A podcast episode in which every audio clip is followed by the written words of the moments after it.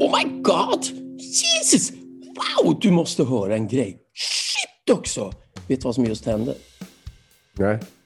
Jag skiftade sinnestillstånd, så det är galet, nästan schizofrent. Alltså, det är så coolt. Det är mer fränt än schizo. Att skifta sinnestillstånd, det är det ultimata mentala äventyret. Jag heter Ulf Sandström. Det visste du, men kanske inte den som lyssnar. Just det. Och jag tror att du vet att jag heter Fredrik Presto. Precis. Och vi båda känner till den här podden, för det är ju ett mentalt äventyr. En podd om allt, allt, allt. Precis. Mm, vi får stå för ljudeffekterna själva här. Ja, ja, nu kommer syntrummor. Att skifta sinnestillstånd är någonting som vi människor gör omedvetet. Man går, så här, man går fram till kylskåpet och öppnar dörren och bara står och tittar. Det är för att man letar efter något som skiftar sinnestillståndet. Det gör vi hela tiden. Och ibland, ofta gör vi det med flit. Ja, nu vill jag höra på den här musiken eller Mm, mm. nu vill jag käka någonting eller nu ringer jag en kompis. Ofta är det, och det är det med flit, men det är inte medvetet. Vi tänker inte på att det är just det vi gör oftast. Och, och vi vill ofta när vi tar kontakt med någon, när de inte ska göra någonting, det vill säga, det är inte skicka mig saltet eller, eller något annat, utan man, man helt enkelt har oplanerat och okynneskontaktar någon. Ja, Då är det för att skifta både deras och ens eget tillstånd. När man ger någon en komplimang, whatever. Men det här ordet, sinnestillstånd, vi har ju en massa sinnen. Traditionellt sett brukar man säga fem, idag pratar man om 11 eller 17. Balans är ett sinne bland annat, det vet alla som har en iPhone. Så att vi har en massa sinnen och de här sinnena tar in intryck. Och sinnestillstånd är ju inte egentligen, det är ju lite mesigt ord på svenska. Ja, det blir lite, lite konstigt. På engelska heter det ju states. Och på engelska har man ju också ordet mind. Ja. Eh, state of mind kan man säga. Mm, och ingen del har vi på svenska. Nej, vi har ju inte det. Nej, Det, det, det krånglar till det lite grann faktiskt, för då, då blir det lite futtigare. Så mind brukar man använda ordet sinne ibland. Och då menar man inte sinne som våra fem, eller då elva sinnen, utan man menar, ja, vad fan menar man? Alltså, Men- man säger state of mind och så är det också en begränsning därför att mind är vårt medvetande. Och när vi, när vi säger state, då menar vi att det ingår en massa olika faktorer. Det ingår tillståndet på vår fysiologi, alltså vårt, vårt fysiska tillstånd. Ja. Men vänta nu, alltså mind är inte medvetande heller, för det är consciousness på engelska. Så mind, vi kan inte översätta det med medvetande heller. Det, Nej, det, eh, det kan finns ingen översättning. Men Men okej, du- det var bara en, en eh, Vi låter bli att översätta det tycker jag. Jag tror, Jag tror- jag tror vi- vi släpper det som en het potatis på en is. Ja, vi får göra och det. låter den segla iväg i en curlingbrygga någonstans. Eh, nej, men vad jag menar är att till, alltså vårt, tills vårt, och så här, det är mycket enklare om man pratar idrott, för vi har båda coachat massa idrottsmän. Där pratar man på engelska, eh, säger man peak performance states och på svenska optimala prestationstillstånd. Då tittar Mm. man istället på vad tillståndet ska leda till, att prestera inom ett visst område. Och det är ju vettigt när det gäller idrott, för det handlar ju om prestation. Det är Så- vettigt när det gäller allt. Alltså, Ja, det är sant. Det är sant. Hå- Hålla middagstal, prestationstillstånd, älska med sin fru, med prestationstillstånd. Alltså allting är ju ett prestationstillstånd. Aha, så allting är prestation? Ja, på ett sätt. Ja, alltså det, om vi, Ja, om vi om jag ska bara ordet- ta det lugnt så är det bästa prestationstillståndet för att ta det lugnt, om man definierar det så. Då. Precis, och nu inser jag helt plötsligt att jag måste göra en, en, en live-googling här för att alla pratar om, och det här är också ett missförstånd, alla pratar om omtyckt för den jag är och inte för vad jag presterar. Mm, just det. Ja, och prestation är då en synonym till bedrift eller bragd. Det kan bland annat beskrivas som det som någon presterar. Särskilt Mm. om något bra har åstadkommits. Så att vad som helst, om jag, om jag presterar att bara hålla mig tyst i bakgrunden och vara lite cool och chilla, och det är det som är syftet, då Mm. är det ett optimalt prestationstillstånd. Så det, det är inte nödvändigtvis en bragd att vara aktiv eller eh, Nej, just det. Nej, men, mycket det- av någonting. Ibland Nej, är det en bragd att vara lite av någonting. Håll käften. Ja. Men, då, ja, men då kan man ju säga faktiskt att då kan du prestera superbra på att göra ingenting. För det var det du ville. Exakt, håll det i bakgrunden farsan. Och så här är det också. Vet du vad jag måste göra nu? Nej, vad måste du göra? Jag måste ta en klunk kaffe. Varför det? du ska, ska jag också ta en? Eh, Optimal kaffeprestation. Åh, nu, nu, nu hamnar jag i bra state. Jag tvungen att sörpla, det smakar faktiskt bättre. Jo, att prester, många, många klienter som jag har också, de säger jag vill vara omtyckt för den jag är och inte för mina prestationer. Och, och då brukar jag säga som svar på det att det där är ett sånt missförstånd, socialt missförstånd att det är antingen eller. Därför mm. att ponera att folk betalar för att gå på en konsert med Bob Dylan.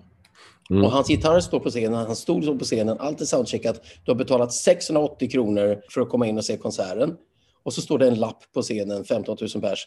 I want you to like me for who I am, not for what I do. I vissa fall så är det folks prestation man gillar och i vissa fall är det hur de är som person. Jag bryr mig inte om hur Bob Dylan är som person när jag går och ser hans konsert, utan jag vill faktiskt, eh, jag gillar honom för det han presterar i det sammanhanget. Och, och varför inte både och eh, också? Jag tror också att om jag tror det... Han är grinig. Alltså jag tror han är grinig. Ja, han verkar lite butter. Du vet att han lyssnar på Woody Guthrie som en sån här protestsångare, en riktigt bra protestsångare. Det var hans idol när han växte upp. Ja, ja. Nej, men, ja han började ju med typ protestsånger. Ja, ja. Bob Woody Dylan Guthrie var ju protestsångare. Så att, Nej, men Bob Dylan också. Började... Jo, jo, men det var för att han gillade Woody Guthrie. Ja, ja. det visste jag inte. Han, men... fick, nej, ja. han fick sin inspiration därifrån, från en cool. bitter gammal man. Ja, det är rätt kul. Ja. Ja, säg om det här då. Vi, vi kan säga att prestation, en bra prestation kan man uppskattas för och det förringar inte hur man är som person. Men man gör gott i att skilja på dem och inte tycka att det är antingen den ena eller den andra. Men okej okay då. Om det är en person som man tycker är en eh, riktigt vidrig person, kan man ändå ja. uppskatta prestationer? Ja, det kan vara James Brown. Självklart, tar de flesta komiker. Alltså inte vidriga personer nu, men nej, många komiker kan vara rätt... Kan, många komiker, i alla fall en del av dem som jag känner, kan, kan vara eh, har oftast en intelligens och en svart syn som jag tror nästan är nödvändig för att vara så bra komiker. Så att de kan liksom förvandlas från, från att vara världens mest eh, pricksäkra, briljanta människa på scen till att vara lite krävande. ja, men, ja, men de flesta komiker, de flesta eh, generaliserar jag igen, men de som jag har träffat då, är inte så roliga privat. Nej, men, men, men, men, det är också, man får också tänk, betänka då att det är deras jobb att vara roliga och när du är privat vill du inte jobba. Exakt, man kan man går ut på fest med en bagare och hoppas att de tar fram glimpa och börjar göra något tricks med det. Det, det är inte fair. Nej, Nej. jag håller... Du fick bilden nu, eller hur? ja, och, ja, och sen så blev det jonglörer, uh, göra tricks. Och sen så blev det... Jag fick också det. Och sen så Jätte. blev det trollkarlar. De, de flesta amatörtrollkarlar tycker det är så jävla kul Exakt att trolla. Exakt jag tänkte. Så att de, de gör ju det i alla fall. Men då är det inte, då är det inte deras jobb det är så här, en del människor kliver aldrig ner från scenen, vare sig de är på den som jobb eller inte. För en del människor är livet en kabaré eh, konstant. Oftast kabaréartister. Kabar okay. Kabaréer är inte så mycket nu för tiden. Nej, det, är, det, är, alltså det har varit en svårartad brist på kabaréer. Kabarétorkan har slagit ut väldigt mycket. Men det är, jag menar, det är Netflix-pandemin och corona som har stoppat det. Ja, men jag menar även före corona, så just kabaré är inte den här stora... Det hette väl inte kabaré? Jag tänker på Ernst Rolf och, och... Ja, du tänker på Fotofil? Eh, nej, vad kallas det för? Ja, men de hade ju sina shower liksom. Okej. Okay. artister, gästartister och... Som går över gränserna för pengar. ja. men sinnes... Okej. Okay. Prestationstillstånd pratar vi nu. Och inom mental träning så är prestationstillståndet det är den optimala tillståndet för din fysiologi. Och här, lyssna noga nu du som lyssnar. Mm, ja. Inte bara du. Ja, jag lyssnar också noga. Cool. Fysiologi, det är en beståndsdel du inte kan ta därifrån. För att det är där allting yttrar sig. Det är din energi, din muskelspänning, din muskelton, din vaguston, din andning, din blodgenomströmning, ditt lymfsystem, stressen i autonoma nervsystemet och det påverkar mage, tarmar, nervositet eller inte. Finmotoriken du har i systemet, ögonen, är de fokuserade eller är de avslappnade? Allt det här däggdjuret, sinne, alltså tillstånd, prestationstillstånd. Mm. Men utöver det så har vi då det mentala och emotionella tillståndet. Så det är både det mentala och det emotionella. Och det skiljer vi på. Så om, vad skulle du säga om tanketillståndet? Hur yttrar sig det? Hur tänker eh, vi? Tänk, ja, hur vi tänker? Vi, vi, menar du när vi ska prestera eller menar du i allmänhet? Ja, hur kan man definiera tankar? Det är, ah, det är skitenkelt. Nej, mm. nej, det, det är superenkelt. Gör det, gör det. jag, kan definiera, jag kan definiera vad det är att tänka i en mening. Mm. Att, tänk, att tänka är att använda ett eller flera av dina sinnen internt i fantasin. Just det. Briljant. Kan du säga det en gång till? Ja, det kan jag göra, för, för jag har tänkt på det här mycket. Så att tänka är att använda ett eller flera av dina sinnen internt i din fantasi. Precis. Så att så fort du skapar ljud, dofter, smaker, kroppspositioner, rörelser, sensationer, ord eller bilder i Mm. din upplevelsehjärna. Så, ergot så tänker du. Ja, exakt. Precis. Och det är väl också det enda vi har sagt att vi kan veta med säkerhet. Du, du brukar säga att jag kan bara med säkerhet konstatera att jag tänker, alltså troligen finns jag till. Ja, ja, inte ens troligen. Det, det är faktiskt det jag är hundra på. Sen att jag finns till på det sätt jag tror, det kan jag inte vara hundra procent på. Jag, min Men variant på den är att, att jag tänker och min tanke är övertygad om att den finns. men, men det är okej, det är filosofi. Ja, nej, men det, det tycker jag var en bra sak från Descartes faktiskt. Mm, precis, en av de bra sakerna från honom. Det var bra. Rest in peace. Men eh, prestationstillstånd då, hur gör jag då? För grejen är det att vi har ju haft en massa kurser som heter Ditt tillstånd är allt. Styr eller skapa eller bjud in eller öva dina tillstånd. Och då pratar vi om metatillstånd och mikrotillstånd. Metatillstånd är ju mera övergripande, så det kan vara en eh, positiv livshållning, men det kan också vara en depression. Som, alltså metatillstånd är något som du har över längre tid. Vet du vad jag skulle kunna säga och jag kommer att säga? Mm? Det kan du inte veta, men jag gör det. Om jag gör det så vet du det. Ja, just det. Jag Vi kan alltid spola tillbaka sen. Jo, eh, alltså ett metatillstånd är det vi kallar för personlighet. Du, du, du, Ja. Ja, Flegmatisk, Ja, ja, ja, precis. melankolisk. exakt. Mm. Så att eh, det som du är övergripande, det vill säga mer eller mindre din personlighet, är ett metatillstånd. Med andra ord, om du kan styra dina tillstånd kan du också styra din personlighet. Boom, bang. Det tror jag. Eh, Därav har vi skapat den gigantiska tegelstenen Personality Engineering som ingen får läsa. Nej, eh, som ingen skulle orka läsa skulle jag nästan säga. Det, det, om, även om de gör det så får de inte. Nej. Det vi håller den hemlig. Ja. Nej, men det var, det, vi skrev ju den boken för att reda ut vad det är, vad personlighet är och eh, ja, vad man kan göra åt det också. Och Det Faktiskt. finns massa teorier. The big, big five personlighetsegenskaper som ledde till Myers-Briggs, som ledde till diskmodellen, som ledde till och så vidare. och så vidare. Katten på råttan på repet. Mm. Eh, Och det vi konstaterar är att alla de där systemen pekar på metatillstånd, det vill säga personligheter som har råkat bli som en kombination av arv och miljö och som går att utveckla. Ja, och därmed välja mer eller mindre. Vet du vad en av de enklaste sätten att ändra metatillstånd på en person är? Åtta glas vin. Ja, det är sant. Ja, men de, de flesta ändrar person, alltså de, det, jag menar alltså de flesta ändrar personlighet lite grann. Det är rätt intressant. Personligheter som ändras alltså, ja. till någonting radikalt annorlunda när hämningar försvinner för att deras personlighet kanske har en massa hämningar och rädslor. Då blir de annorlunda när de dricker. En del lägger lock på känslor som dyker fram när de inte har impulskontroll. Jag brukar säga till, till mina barn om de ska, när de är i åldern att de går på krogen och ska bedöma en kompis, en kollega eller en möjlig partner. Mm. Ta ett par järn ihop. Om de ändrar personlighet, backa ett steg. Därför att då är de inte sitt normala mask on, mask off när de är som vanligt. Men om du tar ner impulskontroll och du tar ner avslappning och du tar ner sociala garder och personen beter sig likadant fast ännu snällare och roligare så är det oftast ett gott tecken. Ja, just det. Du, du, du tänker på motsatsen då, det man eh, kallar för dåligt ölsinne. Att eh, vissa Precis. blir arga och, och mm, till och med våldsamma. Ja, och det är, det är, eller oförskämda. Och det är ju inte därför att de, det är ju inte nödvändigtvis därför att de är dåliga personer, men det är därför att de har en obalans som de kompenserar med sin impulskontroll när de är i sitt normala personlighetsmetatillstånd. Mm, just det. Just det. Men vad är då ett mikrotillstånd? Vad är det då? Ja, Det.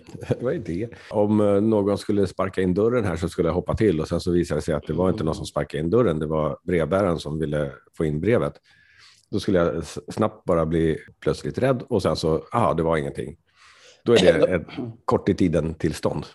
Just det. Och med mikro, vi menar inte litet tillstånd, det kan vara ett stort tillstånd, men vi menar att det, det pågår under en kort tid. Så det är egentligen Ja, tiden vi exakt. pratar om när vi säger meta och mikro. Hur länge det tillståndet behöver vara aktivt för att fylla funktionen för den prestationen. Och då kan man säga att människor som övar till exempel musik eller kampsport eller dans, bara som några konkreta, väldigt påtagliga exempel, då, då ingår en massa olika mikrotillstånd som man skiftar mellan beroende på omständigheterna. Så att en musiker som är van att improvisera, så plötsligt så pajar trumskinnet och trummisen växlar över till mars Marschtrummor på virveln istället. Då kan man haka på det och förstärka det och göra en cool grej av det.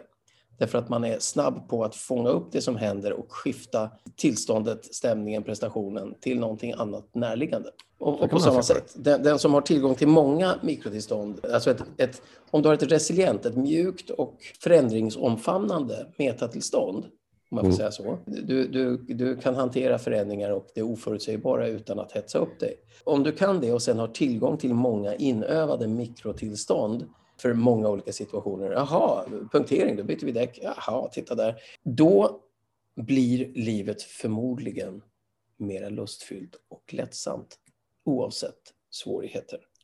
Så enkelt är det. Och det var det stoikerna, våra kompisar, eh, det var det de... våra kompisar stoikerna, ja. Ja, alltså Precis. vänskap behöver inte vara ömsesidig och den kan ske över tid. Ja. Stoicismen är en filosofisk riktning som grundades ungefär, tre, säger de, 300 år före Kristus i antikens Grekland av mm. Zenon från Kition. Och det är en filosofi. Och den, den är, ja, det handlar om att överkomma destruktiva sinnestillstånd, i det fallet känslor. Mm. Och visst ingår det att kontemplera över döden i stoicismen? Ja, och det ingår... Så att man vänjer sig vid tanken på döden så att den inte är skrämmande längre. Lägg dig någon kväll och om du har ett tempel och tjänare, lägg dig under bar himmel någon natt och sov i det fria för att påminna dig om vilken lyx du har i övrigt. Och inom andra traditioner som thailändska munkar, alltså många affärsmän blir munk en månad eller tre. En del i, många i Indien går in i Vipassana och är tysta i 10 till 30 dagar, ibland 60. Alla de här grejerna är ju för att påminna om, oss om att vi har ett liv som tickar iväg i en hisnande färd där varje sekund är värdefull och vi behöver komma ihåg det. Så att vi mm. gör någonting vettigt av den. Mm. Så där kan man ju säga att mindfulness är ett, kan vara både ett metatillstånd och ett mikrotillstånd. Eh, mitt i alltihopa stannar man bara upp en kort sekund och säger shit, fy fan vad häftigt livet är. Och så går man vidare. De har stannat och luktat på blommorna, mm. som ordspråket säger. Hur gör jag då? Fredrik Presto, mm. tränare, hypnotisör, tvåbarnsfar, lillhundägare och byggnadsingenjör med hästar. Det låter som en beskrivning av dig. Jag vet, det är skrämmande. Men det är också det, det är inte så att du plockar saker med tårna? För då, då jo, jag gör faktiskt det. Helvete. Jag går alltid barfota för att kunna plocka saker med tårna. Och det påminner mig om att jag är ett däggdjur. Ja, jag, känner, jag tänker alltid när jag gör det så tänker jag, fy fan, jag och schimpanserna. Ja. Men alltså, sinnestillstånd är ju då att bejaka att hjärnan får ta vilka svängar den vill utan att behöva... Om du vill ha väldigt mycket kontroll hela tiden då, det är vad många kallar att eh, den personen är lite anal. De är, det är som att de har en pinne upp i röven. Liksom. Därför att de är lite styva och det märks också i kroppsspråket och de är lite fyrkantiga och det ska följas regler och fundamentalister har ingen humor. Då kan man säga att ju mer kontrollerat ett tillstånd är, desto oroligare måste personen vara på två sätt. Orolig för att det ska hända saker och inte så kul att vara med. Jag kom just på ordet orolig. Nu kommer jag mm. på var det kommer ifrån. I guess. Rolig på norska betyder ju lugn. Just det. Så du är olugn när du är orolig? Du är olugn. Jag tyckte bara att man inte var kul. Ja, ja, så har jag tänkt. Sen kom jag på att det betyder nog olugn. Ja, fast från början är ordet oro. Och det är att inte vara i Ja, det är sant. Ah, du, att, inte vara i ro. att inte vara i ro. Mm. Jag har inte ro, då, är, då har jag oro. Ah, Okej, okay. det, är samma, det är samma ord, bara det att rolig har blivit någonting annat på svenska. Det här är ett typexempel på hur våra hjärnor fungerar. Vi kan inte låta bli, vi är som, som katt som säger, och titta laserprick, laserprick, laserprick, måste ta den. Och, sen, och, och, nej, kolla en blomma, ska vi lukta på den? Och, och det är ju då att, det är att vi skiftar sinnestillstånd, fast mest mellan roliga. Men det händer att vi blir gravt deprimerade också om vi till exempel tittar på World Population Clock. Googla inte det. Ja, nej, gör inte det. Men om jag nu är... Jag behöver inte vara idrottsman på elitnivå för att ha nytta av att kunna träna sinnestillstånd. Nej, visst, det har ju nytta av. Även, ja, nu sa vi att allting är prestation kanske, då, men även sånt vi inte kallar för prestation mm. så kan det vara bra att ha bra sinnestillstånd. Och, eh, en sak du nämnde, mindfulness, och att, att göra någon form av meditation är ett sätt att träna ett sinnestillstånd där du normalt är lugn och inte tänker. Eller inte, inte låter hjärnan vandra iväg i alla fall. Och det där tycker jag ordet mindfulness är så dumt. Mindlessness ja. borde det heta. Ja, För att mind är ju faktiskt vårt eh, tillstånd. Det, det är att, att vara härvarande Ja, istället för att vara därvarande. Men eh, då ska vi se. Enklaste sättet är att du går igenom fysiologin. Du går igenom vad, jag, vad säger jag till mig själv? Vad har jag för bilder i huvudet? Eh, har jag några kroppstankar, dofttankar, smaktankar? Hur står jag? Min fysiologi? Hur andas jag? Hur är mina muskler, min tonus, min spänning, min tyngdpunkt? Vad är det för groove jag har? Om jag hade en signaturmelodi, hur skulle den låta? Eh, Vad är det för känslor jag vill ha access till? Om jag ska lyfta en tung sten så kan det vara bra att ha tillgång till ilska. Vill jag lyfta en, en, en fjäril så ska jag ha tillgång till ömhet kanske. Allting har en nytta. Och, Och då när jag har allt detta så interagerar det med min omgivning och den delar vi också in i fyra delar. ja, precis. Situation, miljö, eh, sällskap och tid faktiskt. Exakt. Och, och tid är ju lite eh, illusoriskt, men eh, situationen eh, kräver sin, sitt tillstånd kan man säga. Man brukar säga att situationen kräver sin man eller, eller kvinna, men situationen kräver ett prestationstillstånd. Ditt sällskap önskar det eller tarvar det. Och så även miljön. Och med detta sagt så tycker jag att vi rundar av med att säga att eh, det du gör när du har ett sinnestillstånd du gillar eller övar in eller härmar eller tar från någon, vilket är lätt att träna, men så och inte i denna, detta avsnitt, eh, Nej. då kan du sätta ett ankare och ett ankare är någonting superenkelt. Ja, precis. Det är någonting du gör rent fysiskt. Det kan vara eh, nypa dig i örat och tänka tjoflöjt. När du är i ett sinnestillstånd som du har nytta av så gör du det. Sen kan du använda det. Det är precis som Pavlovs hundar, betingning. Så Mm. kan du använda det för att sen återskapa det sinnestillståndet kan man säga. Och det är det som, om du tittar på elitidrottare som slår sig på knäna eller trummar på huvudet eller vad de gör. Det är Ja. deras ankare för att gå in i det som du nämnde, eh, ideala prestationstillståndet. Och det är därför vi som mentala tränare ofta använder a- analoga markörer, auditiva, så vi säger till exempel när man är i ett visst tillstånd, en, två, tre, där, där, där, boom. Och där var, därav syntrummorna i början, de har faktiskt mer Ja. funktion än vad du tror. Allt vi säger har en mening, om en dold. Exakt. Och med, sagt, med det sagt, med tanke på att vi faktiskt ska hoppa in i ett annat rum nu och göra massa andra vi. saker, Ja. så säger vi så här, dags att ropa in Gitta Lelen. Ja, ska vi inte bara kort nämna om du vill komma i kontakt med oss. Ja, gå ut på gatan och skrik. Ja, ju högre desto bättre. Eller skicka ett mejl till info at enpodomalt.se.